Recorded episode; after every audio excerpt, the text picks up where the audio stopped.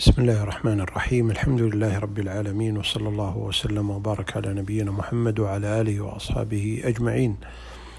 اللهم علمنا ما ينفعنا وانفعنا بما علمتنا وزدنا علما يا كريم.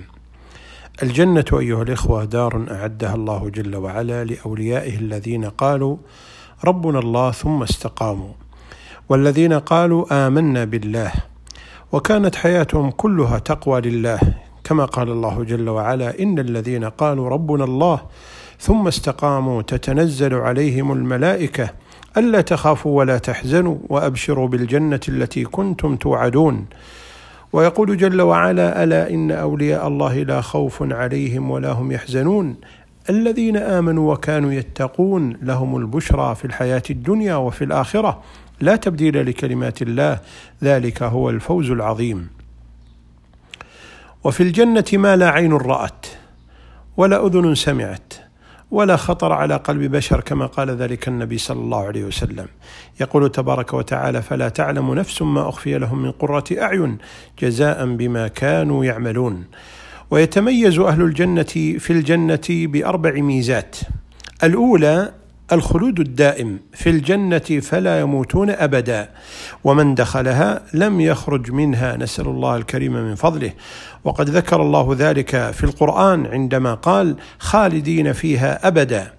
وذكرته السنة أيضا في قول النبي عليه الصلاة والسلام إذا صار أهل الجنة إلى الجنة وأهل النار إلى النار جيء بالموت يجعل بين الجنة والنار ثم يذبح ثم ينادي مناد يا أهل الجنة لا موت ويا أهل النار لا موت كما رواه البخاري. الأمر الثاني أيها الإخوة الشباب الدائم فلا يهرمون أبدا. ويكونون أبناء ثلاث وثلاثين جرد مرد مكحلون فليس فيها سفه الصغار ولا تخريف الكبار وليس فيها ضعف الصغار ولا شيخوخة الكبار. يقول النبي عليه الصلاة والسلام يدخل أهل الجنة جردا مردا كأنهم مكحلين أبناء ثلاث أو ثلاث أبناء ثلاثين أو ثلاث وثلاثين كما رواه الترمذي وحسنه الألباني.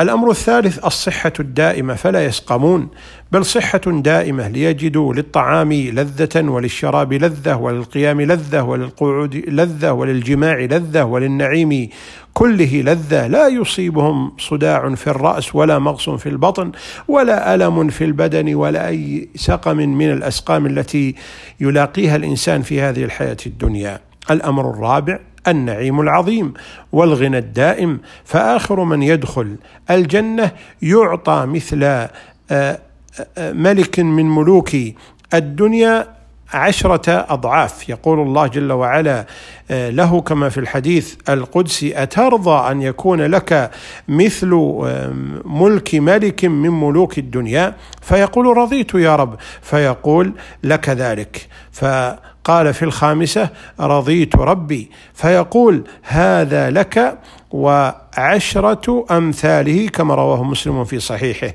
يقول النبي عليه الصلاة والسلام عن هذه الأربع ينادي مناد إن لكم أن تصحوا فلا تسقموا أبدا وإن لكم أن تحيوا فلا تموتوا أبدا وإن لكم أن تشبوا فلا تهرموا أبدا وإن لكم أن تنعموا فلا تيأسوا أبدا كما رواه مسلم. وفي رمضان أيها الإخوة يشتاق الصائم إلى الجنة لماذا؟ لأن أبوابها مفتحة فهو راغب في الدخول معها كلها. ويشتاق للجنة أيضا لأن في الجنة آه، باب يقال له باب الريان خاص بالصائمين يدخلون معه ولا يدخل معهم غيرهم. ويشتاق للجنة لأنه يقال للصائمين كلوا واشربوا هنيئا بما أسلفتم في الأيام الخالية.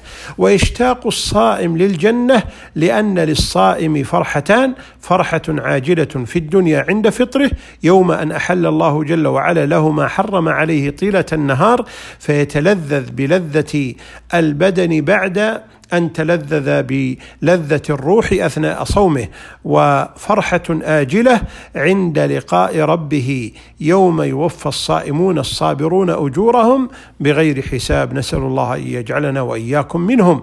يقول النبي عليه الصلاة والسلام للصائم فرحتان فرحة عند فطره وفرحة عند لقاء ربه كما رواه البخاري.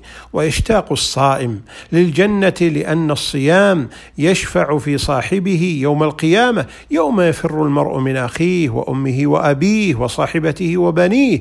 يقول الصوم يا ربي منعته الطعام والشراب في النهار فشفعني فيه فيشفع فيه. وقد أدرك أيها الإخوة السلف الصالح رضوان الله عليهم أجمعين ورحمهم هذه الحقيقة. فمعاذ بن جبل رضي الله عنه يبكي عند موته ويقول لا أبكي على الدنيا ولا على الأولاد ولكن أبكي على أربع أبكي على الصيام في أيام الصيف الطويلة الحارة وأبكي على القيام في ليالي الشتاء الطويلة الباردة وأبكي على حلقات العلم وأبكي على مجالسة الصالحين. يقول أبو الدرداء رضي الله عنه لولا ثلاث ما أحببت العيش أبدا الظمأ لله في الهواجر يعني في أوقات أيام الحر والسهر لله في الليل ومجالسة أقوام ينتقون أطايب الكلام كما ينتقون أطايب الثمر. فما أعظم هذا الشهر أيها الإخوة؟ يذكرنا بالجنة ويحثنا على المسابقة والمسارعة فيه بالأعمال الصالحة كي نفوز بالجنة ونفوز بباب الريان الذي لا يدخل منه إلا أهل الصيام. اللهم ارزقنا الجنة ووالدينا والمسلمين أجمعين. يا رب العالمين. هذا والله أعلم. صلى الله وسلم وبارك على نبينا محمد وعلى آله وأصحابه أجمعين.